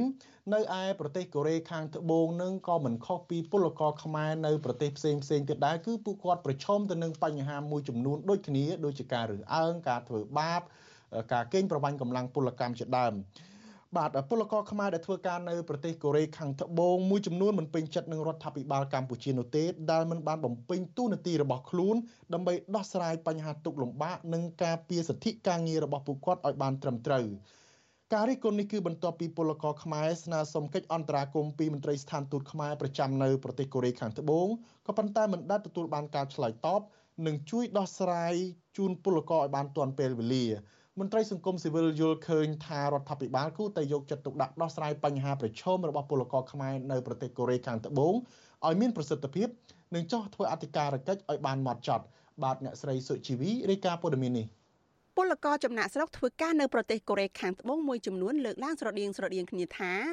ពួកគេរំពឹងថាមកធ្វើការនៅក្រៅប្រទេសដើម្បីរកប្រាក់ចំណូលគ្រាន់ផ្គត់ផ្គង់ជីវភាពគ្រួសារប៉ុន្តែ បែរជាត្រូវថៅកែមួយចំនួនគម្រាមកំហែងសម្លុតនិងប្រាអំពើហិង្សាលើពួកគេទៅវិញពួកគេស្នើឲ្យរដ្ឋាភិបាលយកចិត្តទុកដាក់កិត្តគូពីសុខទុក្ខរបស់ពលករដើម្បីធានាថាពួកគេធ្វើការដោយគ្មានការផិតភ័យពលករនេះមានស្រុកកំណើតនៅខេត្តស្វាយរៀងលោកស្រីសយច័ន្ទរីប្រាប់វិទ្យុអាស៊ីសេរី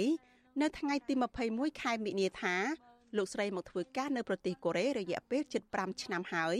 លោកស្រីតែងតែត្រូវថៅកែធ្វើបាបដោយមិនអោយឈប់សម្រាកនោះទេដោយតម្រូវឲ្យលោកស្រីធ្វើការថែមម៉ោងហើយជួនកាលមិនអោយឈប់សម្រាកនៅពេលមានជំងឺថែមទៀតលោកស្រីបន្តថាកន្លែងសម្រាករបស់លោកស្រីតូចចង្អៀតមានក្លិនស្អុយឆ្អេះឆ្អាបនិងគ្មានបង្គន់អនាម័យលើសពីនេះលោកស្រីថាជារៀងរាល់ខែថៅកែតែងតែកាត់ប្រាក់ខែដោយក្នុងមួយខែ កាត់ចំនួន200ដុល្លារសម្រាប់ថ្លៃស្នាក់នៅ ខែភ្លៀងអញ្ចឹងខែភ្លៀងអញ្ចឹងខ្ញុំនៅក្នុង house service stay ហ៎ពេលអាបគុណអាបគុណយើងមិនមែនបគុណចុចទឹកហ្នឹងវាវាដែតមកអញ្ចឹងណាវាអត់ហូរទឹកឯពួកខ្ញុំត្រូវ ទៅចុះទៅអាចុះកាយទឹកអាចហ្នឹងទឹកហ្នឹងពេលដែលទឹកវាទឹកចំនួនមកនៅកន្លែងហ្នឹងវាធំចកេះធំអីហើយពេលអញ្ចឹងលមួពេលខ្លះឈឺពេលខ្មុំតិចអីចឹងខ្ញុំតិច40តនិចណាព្រោះនៅក្នុងហៅស្ទើហ្នឹងគេដាក់ខ្មុំបាន strawberry ហ្នឹងវាចេញផ្លែហ៎គាត់ឲ្យយើងលើកហ្នឹងត្រូវខ្មុំតិច40តនិចខ្ញុំស្លាប់2ថ្ងៃគេអត់ល្វីល្វល់មួយយើងឯងពលករធ្វើការនៅក្នុងប្រទេសកូរ៉េគ្មានសិទ្ធិបដូរកន្លែងការងារតាមចិត្តទេរាល់ការបដូរការងារទៅកន្លែងផ្សេង ទាល់តែថៅកែចុះហត្ថលេខាអនុញ្ញាតបើមិនដូច្នោះទេ ពួកគេមិនអាចបដូរកន្លែងធ្វើការបានឡើយពលករទាំងនោះនឹងក្លាយទៅជាពលករខុសច្បាប់មិនថាពួកគេមានឯកសារស្របច្បាប់ក៏ដោយប្រសិនបើពួកគេរត់ចេញពីកន្លែងចាស់ទៅកន្លែងផ្សេង ហើយពួកគេក៏គ្មានឱកាសធ្វើការងារនៅកូរ៉េទៀតនោះដែរស្រដៀងគ្នានេះដែរពលករម្នាក់ទៀតធ្វើការនៅទីក្រុងប៊ូសានលោកម៉ាត់វ៉ានីថ្លែងថា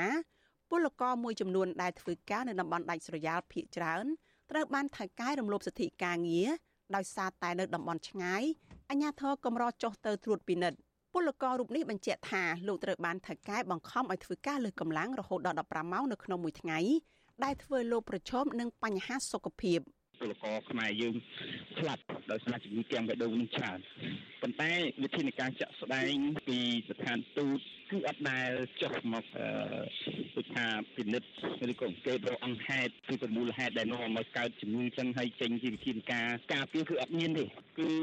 មែនទែនទៅពលករយើងដែលរស់នៅកូរ៉េនេះរស់រដូវខែត្រជាក់ហ្នឹងគឺគ្រប់គ្នាហ្នឹងដេកភ័យមិនដឹងថា ស្អែកនឹងបានឃើញពលិព្រះអាទិត្យអត់ជាទូទៅគឺអ្នកដេកដេកស្លាប់នៅភាគច្រើនហ្នឹងគឺនៅតំបន់កសិកម្មពលករទាំងនេះអះអាងថារដ្ឋាភិបាលកម្ពុជា មិនបានអើពើជួយអន្តរាគមន៍ទៅដល់ពលករ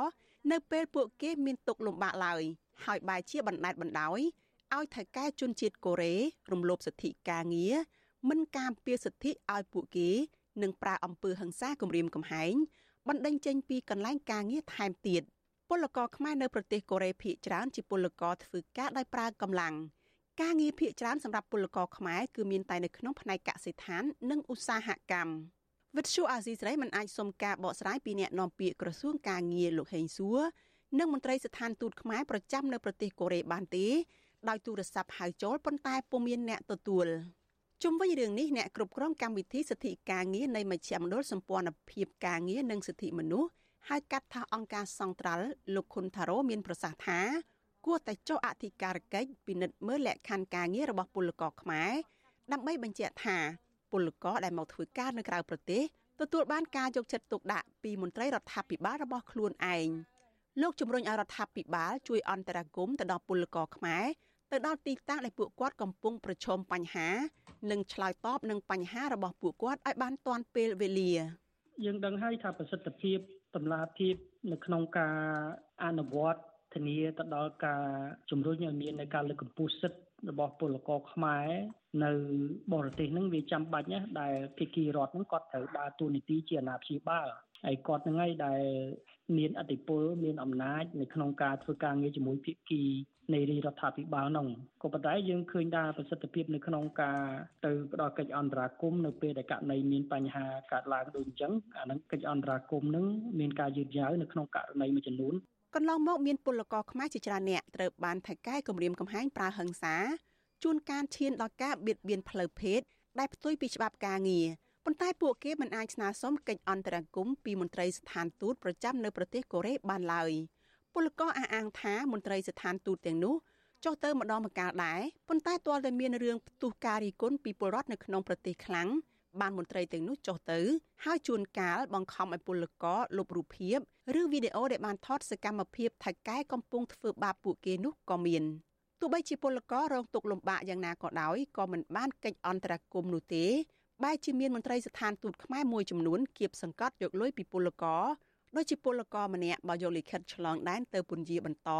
ត្រូវបង់លុយពី150,000វ៉ុនទៅ200,000វ៉ុនឬពី150ដុល្លារទៅ250ដុល្លារហើយបើមានទារកដែលនៅសម្រាលនៅក្នុងប្រទេសកូរ៉េហើយចង់បញ្ជូនទារកនោះមកកម្ពុជា គឺត្រូវមកតាក់ទងស្ថានទូតខ្មែរដើម្បីសុំធ្វើលិខិតបញ្ជាក់ហើយលិខិតមួយច្បាប់នេះមន្ត្រីស្ថានទូតខ្មែរយកតម្លៃពី80ម៉ឺនវ៉ុនទៅ90ម៉ឺនវ៉ុនឬប្រហែល800ដុល្លារទៅ900ដុល្លារ ក្រុមពលករអះអាងទីថាពលករខ្មែររងការរំលោភបំពានសិទ្ធិការងារពីថៃកែកូរ៉េជារៀងរាល់ថ្ងៃការរំលោភបំពានទាំងនោះរួមមាន ការងារលើសម៉ោងការមិនបានប្រាក់បន្ថែមម៉ោងដែលធ្វើការលើសនោះកន្លែងស្នាក់នៅមិនសមរម្យនិងគ្មានម៉ោងសម្រាកជាដើមស្ថានភាពរស់នៅខ្វះភាពឯកជន និងថៃកែលូកលាន់ផ្ដេសផ្ដាសក៏ជាបញ្ហាប្រចាំថ្ងៃដែររបាយការណ៍របស់ក្រសួងការងារចេញផ្សាយកាលពីថ្ងៃទី25ខែកុម្ភៈឆ្នាំ2023បង្ហាញថា មកទល់ពេលនេះកម្មករកម្ពុជាកំពុងធ្វើការនៅក្រៅប្រទេសជាង1លាន3សែននាក់ក្នុងនោះនៅក្នុងប្រទេសកូរ៉េខាងត្បូងមានជិត50000នាក់ប៉ុន្តែរបាយការណ៍ពីអង្គការសង្គមស៊ីវិលមួយចំនួនបង្ហាញថាពលករខ្មែរនៅក្រៅប្រទេសទាំងស្របនិងមិនស្របច្បាប់ អាចមានច្រើនជាងនេះដោយគ្រាន់តែនៅក្នុងប្រទេសថៃ មានជាង2លាននាក់នាងខ្ញុំសុជីវី With Shu Azizi Saray ពីរដ្ឋធានី Washington បាទលោកនាងជាទីមេត្រីចៅក្រមស៊ើបសួរនៃសាលាដំបងរាជធានីភ្នំពេញបានសម្រេចឃុំខ្លួនលោកយឹមស៊ីណុលនិងលោកហ៊ុនកុសលនៅក្នុងពន្ធនាគារជាបណ្ដោះអាសន្នហើយបន្ទាប់ពីការសាកសួររួចនៅល្ងាចថ្ងៃទី22ខែមិនិនា បាទលោកប្លង់សុផលដែលជាអ្នកនាំពាក្យនៃអัยការអមស្រាដំបងរាជធានីភ្នំពេញបានប្រាប់សារព័ត៌មានក្នុងស្រុកថាលោកយឹមស៊ីណូនិងលោកហ៊ុនកុសលត្រូវបានតុលាការដាក់ឲ្យស្ថិតនៅក្រោមការត្រួតពិនិត្យពីបទប្រមាថចំពោះអង្គព្រះមហាក្សត្រនិងបទញុះញង់បង្កឲ្យមានភាពវឹកវរធ្ងន់ធ្ងរដល់សន្តិសុខសង្គមការសម្រេចឃុំខ្លួនរបស់លោកយឹមស៊ីណូនិងលោកហ៊ុនកុសលនេះគឺធ្វើឡើងតាមការចង់បានរបស់លោកហ៊ុនសែនលោកហ៊ុនសែនកាលពីព្រឹកមិញនេះបានថ្លែងថាលោកនឹងមិនលើកលែងទោស ដល់អតីតសកម្មជនបកប្រឆាំងទាំងពីររូបដែលចោទលោកដែលដែលលោកហ៊ុនសែនបានចោទថាអ្នកទាំងពីរបានប្រមាថធ្ងន់ធ្ងរដល់អង្គព្រះមហាក្សត្រនិងរូបលោកផ្ទាល់បាទលោកយឹមស៊ីណូននិងលោកហ៊ុន